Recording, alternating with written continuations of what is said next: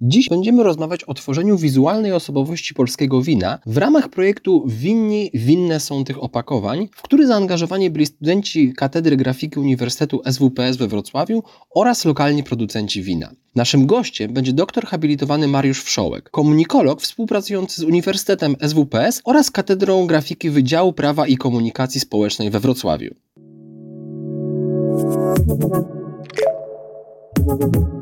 Słuchasz podcastu Strefy Designu Uniwersytetu SWPS. Więcej merytorycznych materiałów o projektowaniu znajdziesz na design.swps.pl oraz w kanałach multimedialnych naszego projektu na YouTube i Spotify. Zapraszamy!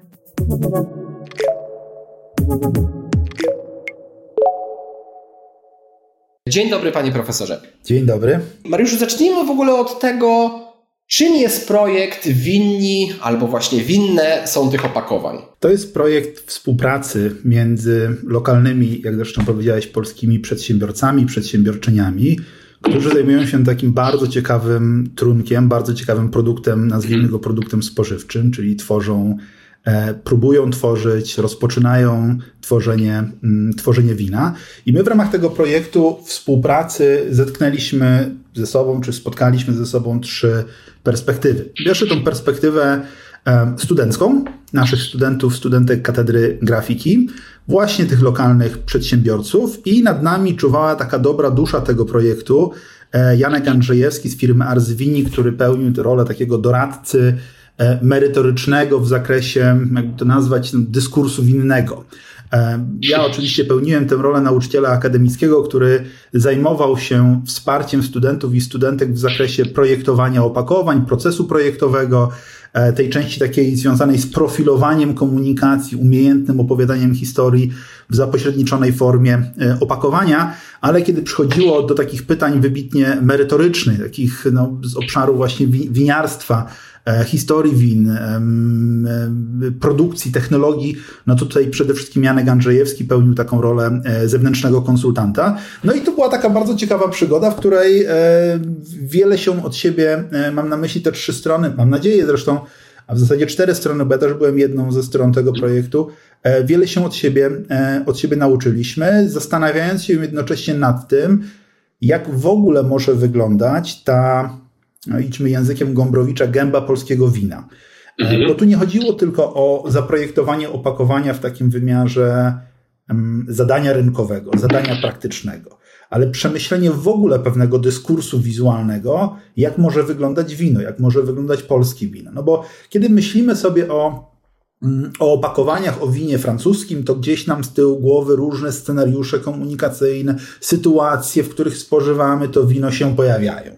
Kiedy pojawia nam się inny taki typ picia, spożywania, ale też jednocześnie opakowań win włoskich się pojawia, no to też znowu różne inne scenariusze e, przychodzą nam na myśl. Gdzieś pewnie, nie wiem, czy zgodzisz się ze mną? Być może nasi uczestnicy również się by z tym zgodzili, gdyby uczestniczyli bardziej aktywnie w dzisiejszej dyskusji, że gdybyśmy po pomyśleli sobie o takich pierwszych skojarzeniach z francuskim winem, no to prawdopodobnie gdzieś byśmy się zastanawiali nad tym, że to jest takie wysublimowane, dobrej jakości, degustacyjne, że jakby koncentrujemy naszą uwagę na, na samym produkcie, na winie. A kiedy mówimy o włoskim winie, no to mówimy przecież o biesiadowaniu, o wielkim żarciu, o takim tak. spędzaniu e, wolnego czasu w gronie rodziny, w gronie najbliższych, gdzie to wino gdzieś tam z tyłu jest, ono nam towarzyszy, ale nie stanowi takiego wiodącego, wiodącego tematu komunikacji. I teraz pytanie jest bardzo proste. Czy polskie wino może mieć własną, wyodrębnioną, unikalną gębę,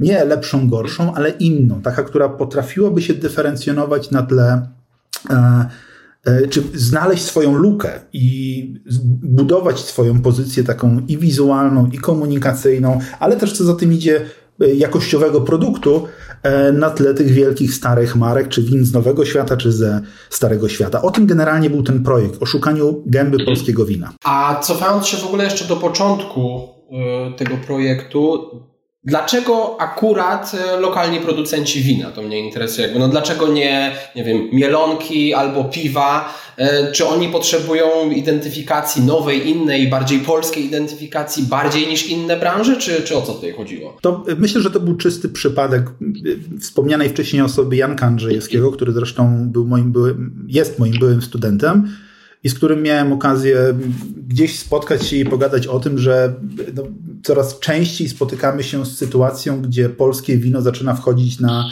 sklepowe, degustacyjne, restauracyjne salony.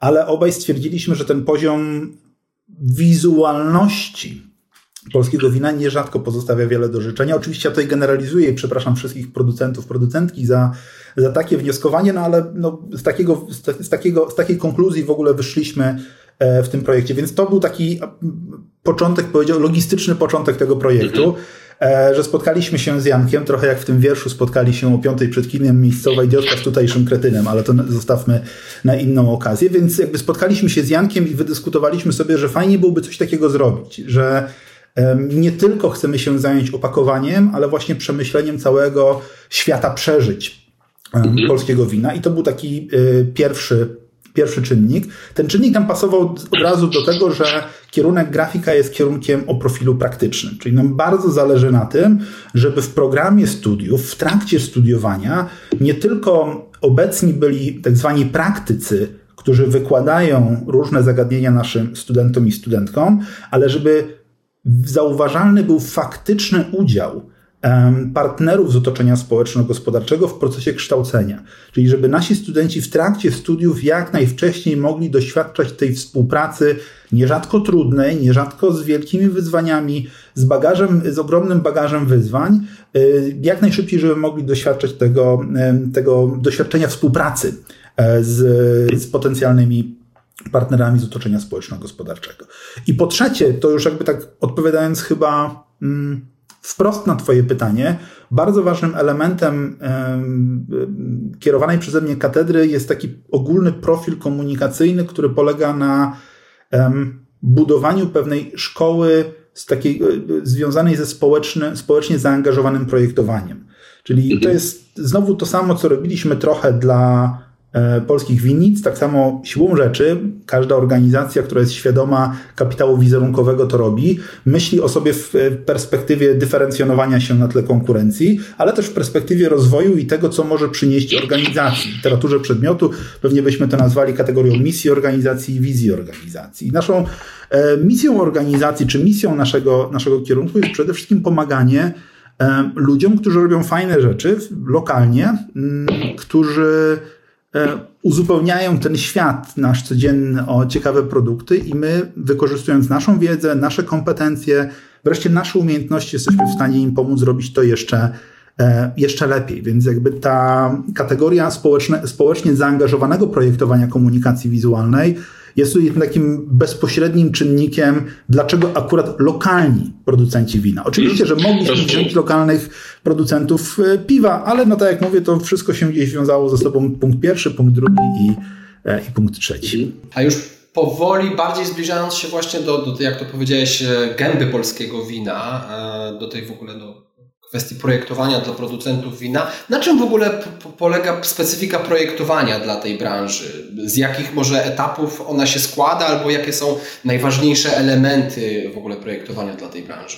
To ja do tego staram się w każdym razie przekonywać e, moich, naszych studentów, nasze studentki, że projektowanie w swojej logice następujących po sobie kroków stanowi względnie stałą procedurę działań. I tutaj niezależnie od tego, czy projektujemy etykietę, całe opakowanie, a z drugiej strony aplikację mobilną, identyfikację wizualną, musimy w pierwszej kolejności zebrać jakieś dane, żeby działanie projektowe było możliwie refleksyjne. Na podstawie zebranych danych wypracowujemy profil projektu, jego założenia, które no, w ogólnym rozumieniu stanowią taką instrukcję obsługi dla części e, kreacyjnej. No, mamy część kreacyjną, czyli przekładamy tę instrukcję obsługi na konkretne konkretne działania poprzez generowanie pomysłów, rozwój, prototypowanie, testowanie, żeby jakby na koniec rozpocząć ten etap, e, ten etap wdrożenia. I dokładnie tak samo wyglądał ten projekt. Ponieważ to byli studenci i studentki trzeciego roku, to e, w pewnym sensie zostali oni pozostawieni sam, samemu sobie.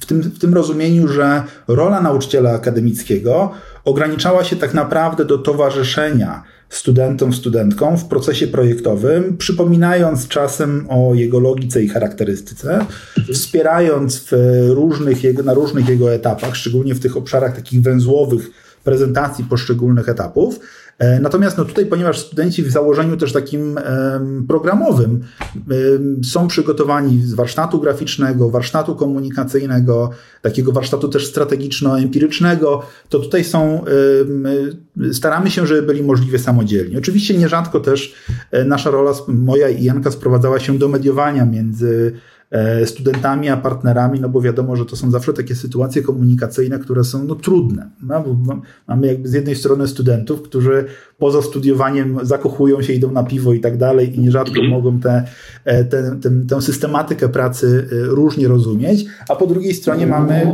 tak naprawdę rolników, którzy, którzy no, są zakochani w swoim produkcie, swoim, w swojej ziemi E, i też mają różną dynamikę pracy i też mają różną dynamikę e, relacji komunikacyjnych, więc tutaj ten projekt z jednej strony pracował na takim bardzo na takiej bardzo podstawowej logice e, związku przyczynowo-skutkowego w projektowaniu, ale z drugiej strony też jakby gdzieś było bardzo dużo takich e, E, sytuacji, w których, e, no, no, które były nieoczywiste, które były niecodzienne, niespotykane. Mhm. Jak na przykład to, że winiarz e, bez wskazania konkretnych, konkretnych marek odzywa, odzywał się po miesiącu lub dwóch.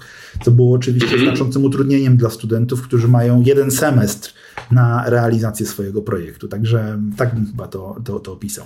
Mhm. A tak patrząc, bo wspominałeś o tym, że podczas studiowania e, chcecie pokazać studentom takie jak najbardziej, e, dawać im jak najbardziej praktyczne zadania, więc wyobrażam sobie, że macie doświadczenie współpracy z wieloma branżami e, i czy projektowanie dla producentów wina jakoś bardzo różni się od projektowania dla innych branż? I nie wiem, czy pojawiły się na przykład coś, co was, co was, studentów, zaskoczyło w tym procesie?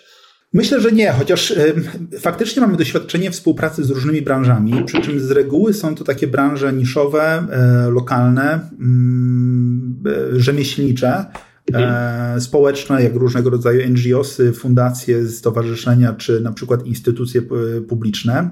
Więc to są jakby gdzieś nadlifestyle'owo, że to są branże, które gdzieś są do, do siebie bliskie.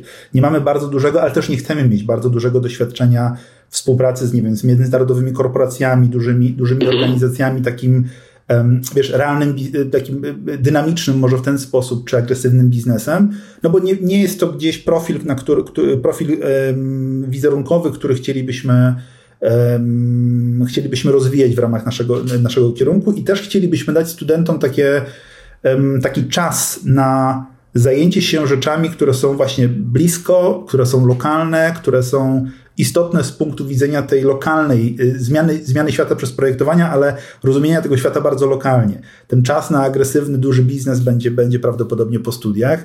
I tak wracając już do, e, do takiej, do, do odpowiedzi na Twoje pytanie, to tutaj nie ma dużych różnic, chociaż oczywiście zawsze ta mm, ta taka część, powiedziałbym, ludzka e, jest, pewnym, jest pewnego rodzaju zagrożeniem z punktu widzenia procesu projektowego, no bo to jest umowa społeczna. My się na coś umawiamy, że przez najbliższy semestr będziemy ze sobą współpracować. Ale to, co jest takim niefajnym nierzadko zaskoczeniem, to to, że ta, te umowy są na, no, z różnych stron i z różnych powodów zrywane. Więc to jest może takie, to jest taka, taka sytuacja, która, której doświadczyliśmy w tym projekcie kilkukrotnie. I to były zarówno sytuacje po stronie studentów i studentek, jak i sytuacje po stronie naszych partnerów i partnerek. No więc to było takie, takie duże wyzwanie, ale żeby, żeby móc wskazać jakieś takie jednoznaczne, e, jednoznaczną różnicę, czy gdzie projektowanie opakowań dla lokalnych producentów win, win różni się od innych branż, to może bym znalazł tę różnicę w takim, w takim sposobie rozumienia swojego produktu. Że to nie jest taki, wiesz, taki e, charakter stricte biznesowo-sprzedażowy, tylko że tam są ludzie, z cholernie różnymi e, życiorysami. Że to są ludzie, którzy pracowali w wielkich korporacjach, pracowali w wielkich organizacjach i nagle stwierdzili, że to nie jest, to nie jest ta droga.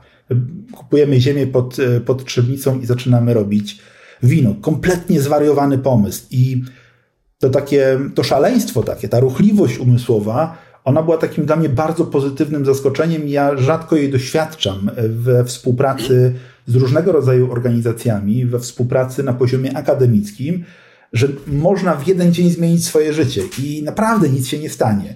I myślę, że też to doświadczenie dla naszych studentów było takie bardzo ciekawe, że kiedy przyjeżdżają do, do winnicy, mają pewnie jakieś wyobrażenie o tym, kogo za chwilę spotkają, a nagle spotykają 25-letniego e, winiarza, który jakiś czas temu pracował w wielkim międzynarodowym banku, a teraz robi wino, bo stwierdził, że ma dość tej, tego typu pracy, tej pracy takiej właśnie stricte korporacyjnej. Także no to chyba to. To jest takie, tak, to jest ten wyróżnik, który gdzieś zauważyłem w tym projekcie. Czyli to bywają po drugiej stronie też tacy młodzi ludzie, tak? Bo ja sobie wyobrażałem bardziej, że, no przepraszam za określenia, że, że raczej to są takie y, tłuste koty w cudzysłowie po tych korporacjach, które już no sporo zarobiły, no i teraz y, jakby mają czas na też zarabianie, ale i realizowanie jakiejś swojej pasji. Tu mnie zdziwiła te, ten wiek. Te tłuste koty też się pojawiają, ale to nie są takie postkorporacyjne tłuste koty, mm -hmm. tylko to są też tacy, taki typ osobowości, który w innej branży, nierzadko um, na przykład budowlanej czy przemysłowej, mm -hmm zrobił, ta osobowość zrobiła bardzo duże pieniądze i mhm. ponieważ Właśnie. wino w określony sposób też się kojarzy jako produkt, nie? że to nie jest ta wódeczka, którą pijemy na weselu i, i tak dalej, mhm. tylko że to jest bardziej wysublimowany produkt alkoholowy, to chcąc należeć do pewnego, pewnego grona, to jest oczywiście fikcjonalne, absolutnie, no nie ma nic wspólnego z rzeczywistością, e, ale chcąc należeć do pewnego grona, grupy społecznej i tak dalej, zakłada się winnicę. I to z reguły też doświadczenie tego projektu, czy tych trzech lat realizacji tego projektu pokazuje, że to są nierzadko historie, które nie są prawdziwe.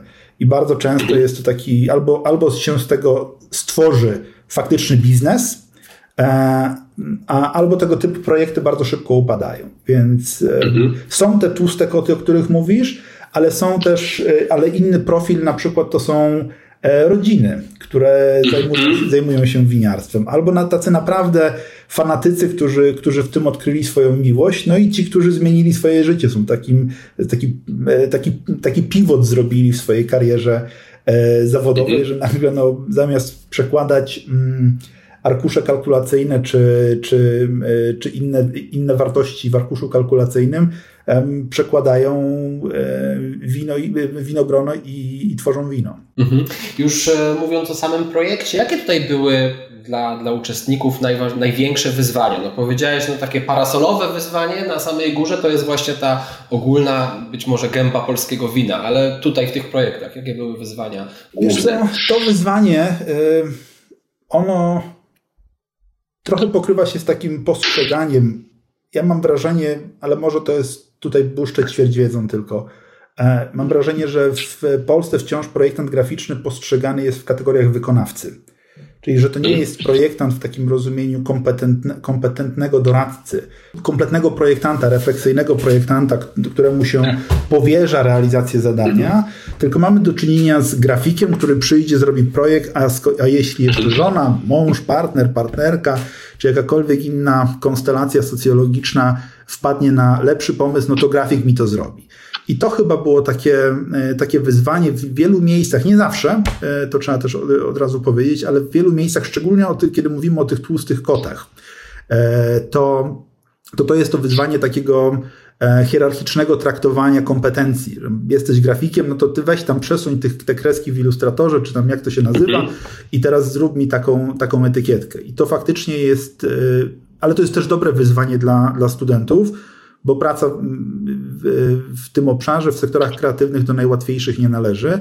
W związku z czym no, cały czas mówiłem, słuchajcie, doświadczacie tego, czego za chwilę, bez żadnych konsekwencji, tego, czego za chwilę rynkowo będziecie doświadczać już z tymi konsekwencjami e, konsekwencjami rynkowymi. Macie pole do, e, do treningu w tym zakresie, więc to było, to było na pewno wyzwanie, bo to nie jest przyjemne, kiedy człowiek jest sprowadzany do wykonawcy, takiego, wiesz, prostego wykonawcy w sytuacji, w której tak naprawdę ma e, dużo większe zadanie, bo to jest zadanie określenia tego, jak jest, wypracowania tego, jak ma być, opowiedzenia pewnej niedeklaratywnej historii, bo etykieta to jest nic innego jak opowiadanie, e, czy etykieta, czy całe opakowanie to jest opowiadanie niedeklaratywnej historii.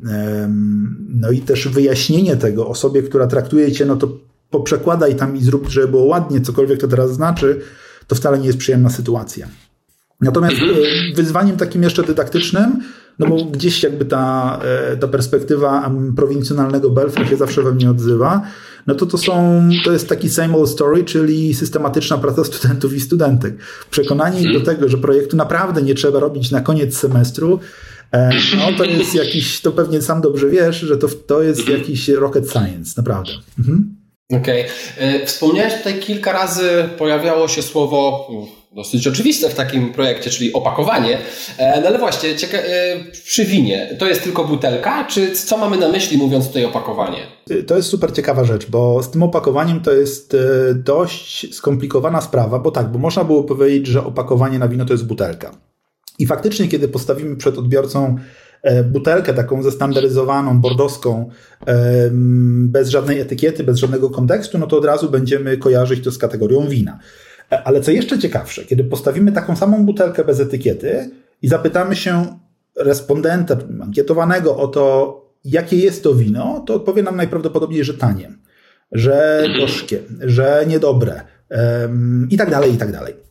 Cierpkie, przepraszam, gorzkie to piwo, wino jest cierpkie z reguły, więc jakby bardzo negatywnie oceni, e, oceni ten produkt. Jeśli postawimy już wino um, z konkretną etykietą, to wciąż pozostaje ten prototypiczny mm, wymiar, czyli że to jest wino, ale wizerunek tego produktu znacząco siłą rzeczy się zmieni i on raczej będzie schodził na zupełnie inne, inne obszary niż to, że jest tanie. Tylko, że jest jakieś, jakie ono będzie, no to w zależności od naszych preferencji wizualnych. I tutaj pojawia się w ogóle bardzo ciekawa historia, że w przypadku win mamy kilka rodzajów butelek. To są w ogóle butelki, to są butelki bordowskie, takie mocno zestandaryzowane, rodańskie, czyli takie bardziej opływowe, ale wciąż pękate, mm alzackie, opływowe, ale takie bardzo wąskie. Mamy też butelki do, do, wina, e, do, do wina musującego, czyli do szampanów, tam zektów, kawa i tak dalej, i tak dalej. I co bardzo ciekawe, wszystkie te butelki, one w jakimś sensie pochodzą z tego no, francuskiego francuskiego klimatu, francuskiej historii. Natomiast cały świat absolutnie korzysta e, z tych, z tych, z tych głównych pięciu, e, pięciu kształtów butelek, bo tam rodańska się jeszcze dzieli na burgundzką i właśnie rodańską, ale to są już takie szczegóły, które na pewno nie będą przedmiotem zainteresowania naszych dzisiejszych słuchaczy. Sama butelka w sobie nie pełni żadnej funkcji informacyjno-wizerunkowej. Ona tylko stanowi o tym, że mamy do czynienia z winem, czyli jak mamy butelkę wina, to nam się przedstawia, aha, to ja teraz mam to kojarzyć jako wino. To, co stanowi dopiero ten wymiar informacyjno-wizerunkowy, to jest etykieta. I teraz jakby cały ten, cały, cały misterny plan winiarza czy projektanta jest, polega na tym, żeby zbudować świat przeżyć wokół, wokół etykiety, bo to jest tylko ten nośnik zapośredniczonej formy komunikacyjnej, tak byśmy to poprawnie modelowo nazwali, ale generalnie sprowadza się do tego, że etykieta pełni taką funkcję informacyjno-wizerunkowo, reklamowo, sprzedażową. I tam się dzieje cała, e, cała narracja. Co poza tym, oczywiście możemy mówić o opakowaniach prezentowych, o opakowaniach takich zabezpieczających, ale to są tak naprawdę didaskalia. To, co stanowi o takim absolutnym wyróżniku um, tego segmentu rynku, to jest opakowanie szklane z konkretną, z konkretną etykietą, czy, która, no, no, która komunikuje te wartości, które ma, e, ma komunikować. Mówisz o etykietach. Co w tym projekcie według producentów wina albo co wypracowali studenci, co tutaj miały mówić etykiety? Czy na przykład, no wyobrażam sobie, że mogli chcieć producenci, żeby mówiły, no, że to jest wino, nie wiem, luksusowe, najlepszej jakości, ale może coś zupełnie innego, może, yy, że jest ekologiczne, że jest rodzinne. No nie, nie chcę odpowiadać za ciebie tutaj wymyślać, bo wymyślam, tylko właśnie co miały tutaj mówić te etykiety? Wiesz co, ja też bym, y, pewnie odpowiadając tak wprost, bym y, mocno wymyślał, bo każda winnica to jest jakaś unikalna historia. E, jak powiedziałem wcześniej, etykieta to jest taki podstawowy nośnik informacji. I teraz dla kompetentnego oka jest to przede wszystkim legitymacja jakości produktu, która sprowadza się do analizy rocznika, apelacji, wyselekcjonowanej linii wina, informacji o miejscu i sposobie butelkowania tego wina. I to jest jakby dla naprawdę poważnej mniejszości konsumentów taka informacja, czy wino, za które płacę, dajmy na to 50-100 zł, jest tyle warte. E, ale umówmy się, że w marketowej, takiej market, marketowej, no, sklepowej, dyskontowej sytuacji sprzedażowej niewiele osób zwracało uwagę na to, czy mamy do czynienia z apelacją włoską, denominazione origine controllata albo denominazione origine controllata garantita, a jeszcze Boże, nie daj, nie daj Boże, denominazione origine protetta. No, Pieron wie, co to znaczy. Ładnie brzmi, sprowadza się do akronimu DOC, DOCG, DOP, ale tak naprawdę niewiele nam mówi. W związku z czym etykieta pełni rolę nośnika reklamowego i na jakby wyróżnia produkt na tle, na tle innych produktów. To jest jej taka podstawowa funkcja. No i za pośrednictwem tej etykiety można opowiadać różne historie. Bo nasze wina przecież, mam na myśli polskie, nie mają żadnej apelacji. Nie mają takiej architektury informacji, którą, y, którą mogą się poszczycić wina francuskie, wina włoskie, wina z Nowego Świata, czy wina hiszpańskie. Jeszcze zapomni, zapominam cały czas o tym regionie.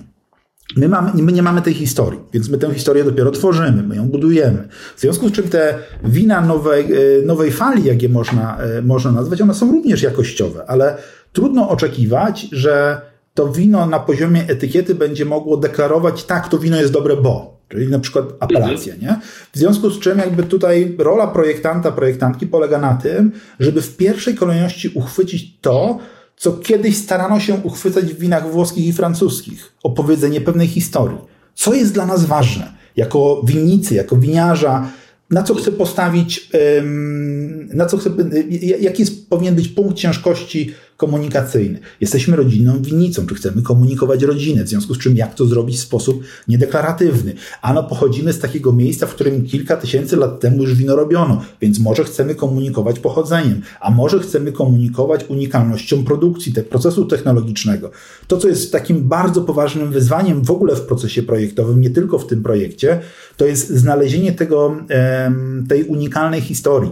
Gdzieś tam unique selling point moglibyśmy powiedzieć, ale ja bym tego nie sprowadzał do sprzedaży, tylko sprowadziłbym to właśnie do kategorii tej idei wiodącej, stojącej za projektem, czy za winem, projektem wina, tudzież winnicy i umiejętne opowiedzenie tego, ale w sposób absolutnie niedeklaratywny. No bo powiedzieć, że jestem profesjonalistą, to, to bez sensu, prawda? My musimy to udowodnić, nie mówiąc o tym. I dokładnie jakby to jest rola, e, rola etykiety takiej niedeklaratywnej komunikacji, ale żeby móc niedeklaratywnie komunikować, ja muszę wiedzieć, co mam do, mm, do zakomunikowania. A czy producenci pojedynczy wiedzieli, co chcą powiedzieć? Tutaj wiesz, trochę piję do, do tego, czy, czy bo, bo, też pracuję na co dzień z briefami, akurat reklamowymi, ale mm, no wiem, że różnie jest z konkretnością tych briefów. Właśnie, czy tutaj briefy były konkretne, czy studenci wiedzieli, jakie mają zadania, czy musieli to wyciągać y, od tych, od tych producentów? Wiesz, to, to, to było takie odkrycie tego projektu, z tego względu, że nam się wydawało, że to będzie bardzo prosty proces, bo skoro robisz wino i robisz to w określony sposób, kochasz ten fach, jest on dla ciebie ważny, istotny, to umiesz o nim opowiadać. Szczególnie, że wino jest takim, takim produktem, o którym można opowiadać, snuć godzinne historie. Okazało się, że nie, że to jest faktycznie bardzo poważne wyzwanie dla, dla studentów i studentek, żeby nie tyle pracować z briefem, bo oni tego briefu nie otrzymali, oni mieli ten brief dopiero stworzyć. Czyli mhm. mówiąc wprost, to też trzeba sobie wyobrazić, idziesz z sali wykładowej, na które, w której uczą cię o procesie briefingu, debriefingu, bla, bla, bla, design brief, bla, bla, bla, o całym modelu procesu projektowego i nagle się okazuje, że spotykasz na swojej drodze rolnika, rolniczkę, i ona ci musi, i, i zadajesz jej te pytania takie, wiesz, pod tytułem publiczność, dyfer, dy, dyferencja, temat komunikacji, co chcecie komunikować, jak chcecie komunikować, kanały, bla, bla, bla.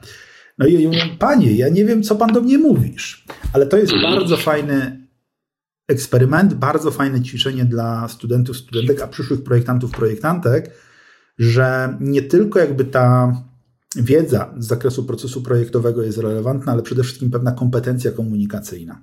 Czyli, że umieć się postawić w czyjejś sytuacji i znając modele teoretyczne, znając modele takie metodologiczne, wyjaśnić innymi słowami, wyjaśnić słowami rolnika, rolniczki, czego my od nich oczekujemy, ale też umieć szukać między wierszami, bo tam jest bardzo dużo ciekawych historii, które się pojawiają nie wprost. Zadajesz jedno pytanie, ktoś ci coś odpowiada, ale ta odpowiedź tak naprawdę jest między wierszami waszej relacji komunikacyjnej, a nie wprost. Tak jak pewnie sam, e, tak jak ty też mówisz, że masz do czynienia z pewnym poziomem niekonkretności, ale w tym poziomie niekonkretności jakby ta robota studenta, przyszłego projektanta polega na tym, żeby no, złapać coś, na co nikt by nie wpadł w tym momencie. Nie? I to jest, za tym myślę stoi ta podstawowa kompetencja komunikacyjna, bo komunikacja to niekoniecznie to, co się mówi, ale to, co się słyszy.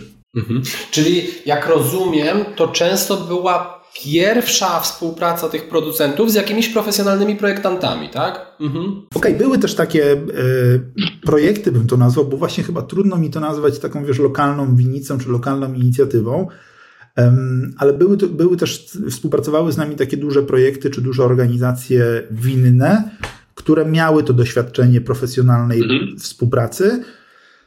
Więc tam studentom było po prostu łatwiej, e, a nierzadko też trudniej, więc nie, przepraszam, nie było wcale łatwiej, były te sytuacje bardzo różne, e, no bo znowu mogłeś być potraktowany w takich kategoriach, no bo nam zrobiła taka i taka agencja taką, e, taką pracę, my oczekujemy czegoś takiego samego od was, a tak naprawdę no idźcie, bo mam, bo jesteśmy zajęci, nie? Więc to są też tego typu mhm. sytuacje, no, no, taka codzienność powiedziałbym projektowa też się dziś pojawiała na, na horyzoncie.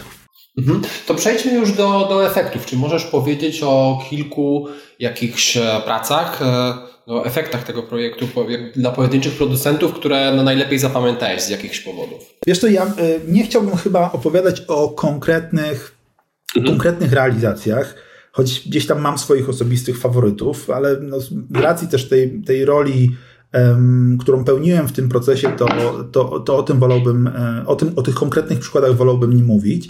Natomiast to, co było bardzo interesujące w tym projekcie, to to, że można gdzieś spróbować, można dokonać takiej ogólnej kategoryzacji. Ponieważ ten projekt trwał 3 lata, przez 3 lata, czyli 3 roczniki studentów i studentek grafiki pracowało nad tym projektem i ta kategoryzacja E, ona polega na tym, że mogłeś wyciągnąć pewną gębę, taką znowu w rozumieniu mhm. Gombrowicza, czym się charakteryzowała pierwsza edycja, czym się charakteryzowała druga edycja i czym oczywiście, e, oczywiście trzecia. I ta pierwsza edycja projektu to było bardzo ciekawe i tak zastanawiałem się, na ile to przetrwa w dłuższej perspektywie, że ona koncentrowała się w dużej mierze na takich rozwiązaniach typograficznych. I tutaj studenci bardzo mocno eksplorowali takie podejście modernistyczne, typograficzne, dość, dość jasna, klarowna kompozycja, e, tak zwany grid na, na poziomie etykiety. To było naprawdę widoczne.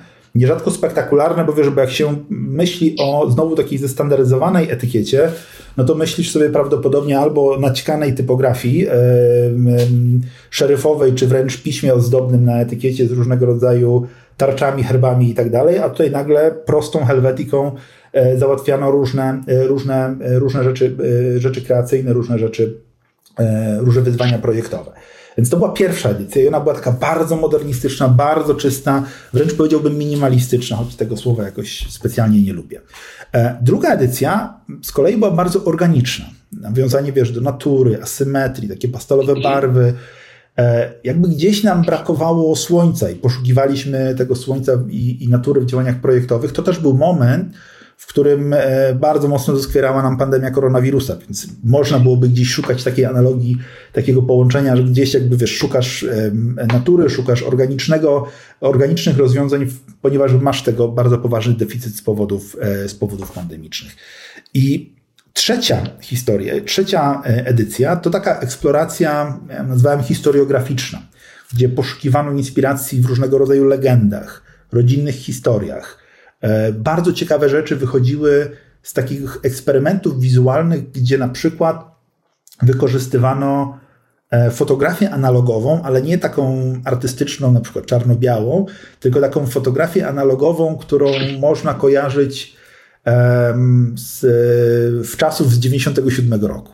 Mhm. Prosty aparat plastikowy, Kodak cyknął zdjęcie, czasem się naświetliła klisza, nie szkodzi i nagle wykorzystano taki bardzo prosty, wydawałoby się nawet prostacki zabieg graficzny do tego, żeby ukazać winnicę w takich kategoriach e, rodziny, ale nie, nie rodu, e, rodu X, tylko że no my jesteśmy tacy prości, słuchajcie, my jeździmy na wczasy do Ustki, e, nierzadko, pod, nie, nierzadko korzystamy z biwaku i robimy sobie zdjęcia takim aparatem. Nie? Więc jakby taka prostota, w pewnym sensie prostota przekazu, ale też co na, co na tych zdjęciach było pokazywane. To są takie właśnie historie, e, takie, takie zastosowania historiograficzne, które pokazują rodzinę, ale w różnych odsłonach, w różnych konstelacjach. Więc to, co mi utkwiło w tym projekcie, to właśnie takie trzy gęby polskiego wina, że z jednej strony można iść w bardzo pytanie, w co, w co w ogóle pójdzie branża, bo to jest super ciekawe pytanie, ponieważ jesteśmy na samym początku tak naprawdę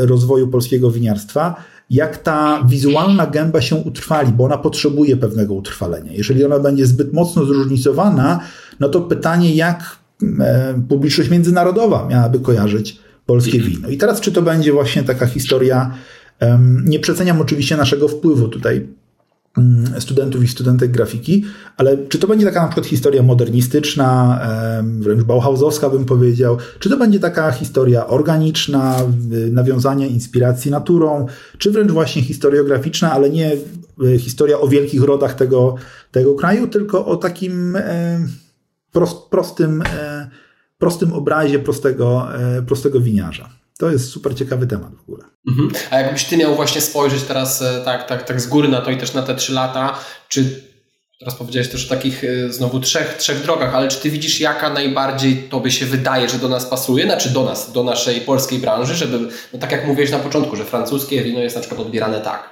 to jak według Ciebie właśnie może być odbierane polskie? Co, co najbardziej do niego pasuje? Wiesz co, my na pewno mamy ten kłopot... Um co myślę, że sam dostrzegasz w kontekście, w kontekście reklamowym, z, taką, z, taką bardzo, z takim bardzo poważnym wyzwaniem, jakim jest umówienie się na coś. Mm, I to na pewno będzie bardzo poważne wyzwanie, ale gdybym miał. Um, Gdyby mnie ktoś zapytał o zdanie w takim sensie mm, kulturoznawczym czy, czy komunikologicznym, to bym powiedział, że właśnie ta trzecia droga, w której pokazujemy faktycznie tych ludzi, którzy, którzy są absolutnie różni, pokazujemy nie w kategoriach e, wielkiego narodu robiącego wino, tylko tego, że to jest, ja nie lubię tego słowa też, ale że to jest taka e, bardzo ciekawa zajawka, która może łączyć mhm. pokolenia. I ta zajawka nie jest taka, taką krótkofalową e, zajawką, tylko że to może być sposób na życie. My nie będziemy Pasja. robić, dokładnie na przykład, my nie będziemy robić wybitnego wina. To nie jest, e, chyba że zmiany klimatyczne pójdą w taką, a nie inną stronę, w którą idą, e, ale wtedy już będzie za późno. My nie będziemy robić naprawdę takiego, może to też ktoś się obrazi na to, ale nie będziemy robić wybitnego wina. Ale możemy robić wino ciekawe, wino eksperymentalne, wino naturalne możemy opowiadać o tym bez zbędnego patosu. I to są jakby takie wartości, e, gdzieś właśnie pasji, zajawki, lokalności, e, tego, że to jest tak po ludzku robione, to, to są naprawdę bardzo ciekawe wartości, które wa warto eksplorować w tym, e, w tym obszarze. Pytanie, czy któreś z projektów studentów udało się wdrożyć? Czy, czy ja idąc do sklepu yy, czy jakiejś winiarni, zobaczę je na półkach. Tak, tak, jest, jest kilka wdrożeń. Były takie wdrożenia um, jednorazowe, jak na przykład Winica Moderna. Yy, przepie, przepiękny projekt, właśnie taki modernistyczny. Yy, Winica Katarzyna. No, kilka, projektów, e, kilka projektów jest w takim wdrożeniu długofalowym. Są projekty, które są w trakcie przygotowywania, no bo z jednej strony mówi się o tym, dobra, robimy wino, więc za rok mi urośnie i będzie ale winnica, żeby wypuściła pierwsze sprzedażne wino, no to przynajmniej 3 lata musi to potrwać, więc niektóre projekty no, czekają na, swoje, na swój czas, tak? ale ym, z, każdego, z każdej edycji udało się, czy udaje się wdrożyć kilka, e, kilka projektów, także cieszę się z tego powodu, że nasi studenci nie tylko mają konkretną realizację w trakcie studiów, ale również, że przyczyniają się do tego, że można patrzeć na, na polskie wino nie w kategoriach takiej prześności, ale w kategoriach dobrego, dobrego designu. Na koniec jeszcze chciałbym zapytać, bo w całej rozmowie dużo mówiłeś o tym, czego e, nauczyli się studenci, a też jestem ciekaw, czego nauczyli się, czy można to wyciągnąć sami producenci wina e, przy tym projekcie. Czy, czy, czy zauważyłeś coś takiego, czy może oni o czymś takim mówili?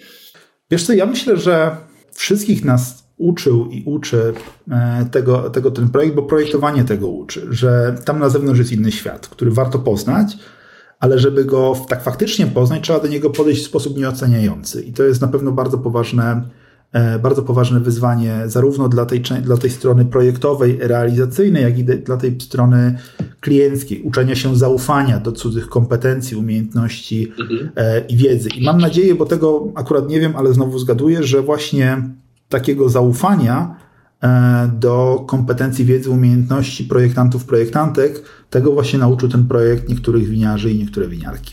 No to tym akcentem, bo to jest bardzo ważny akcent, jeżeli chodzi o takie współpracę, e, myślę, że możemy e, zakończyć. Ja bardzo dziękuję Ci za dzisiejszą e, rozmowę. E, bardzo dziękuję też, też naszym słuchaczom za zaangażowanie, za obecność już w tym lipcowym, ciepłym dniu e, z nami. Oczywiście zapraszam na kolejne webinary Strefy Designu SWPS, no i zachęcam też do czytania, oglądania i słuchania naszych materiałów na blogu Strefy Designu SWPS na YouTubie oraz na serwisach podcastowych takich jak Spotify. Także jeszcze raz dzięki, dziękuję mojemu gościowi i do usłyszenia. Thank you.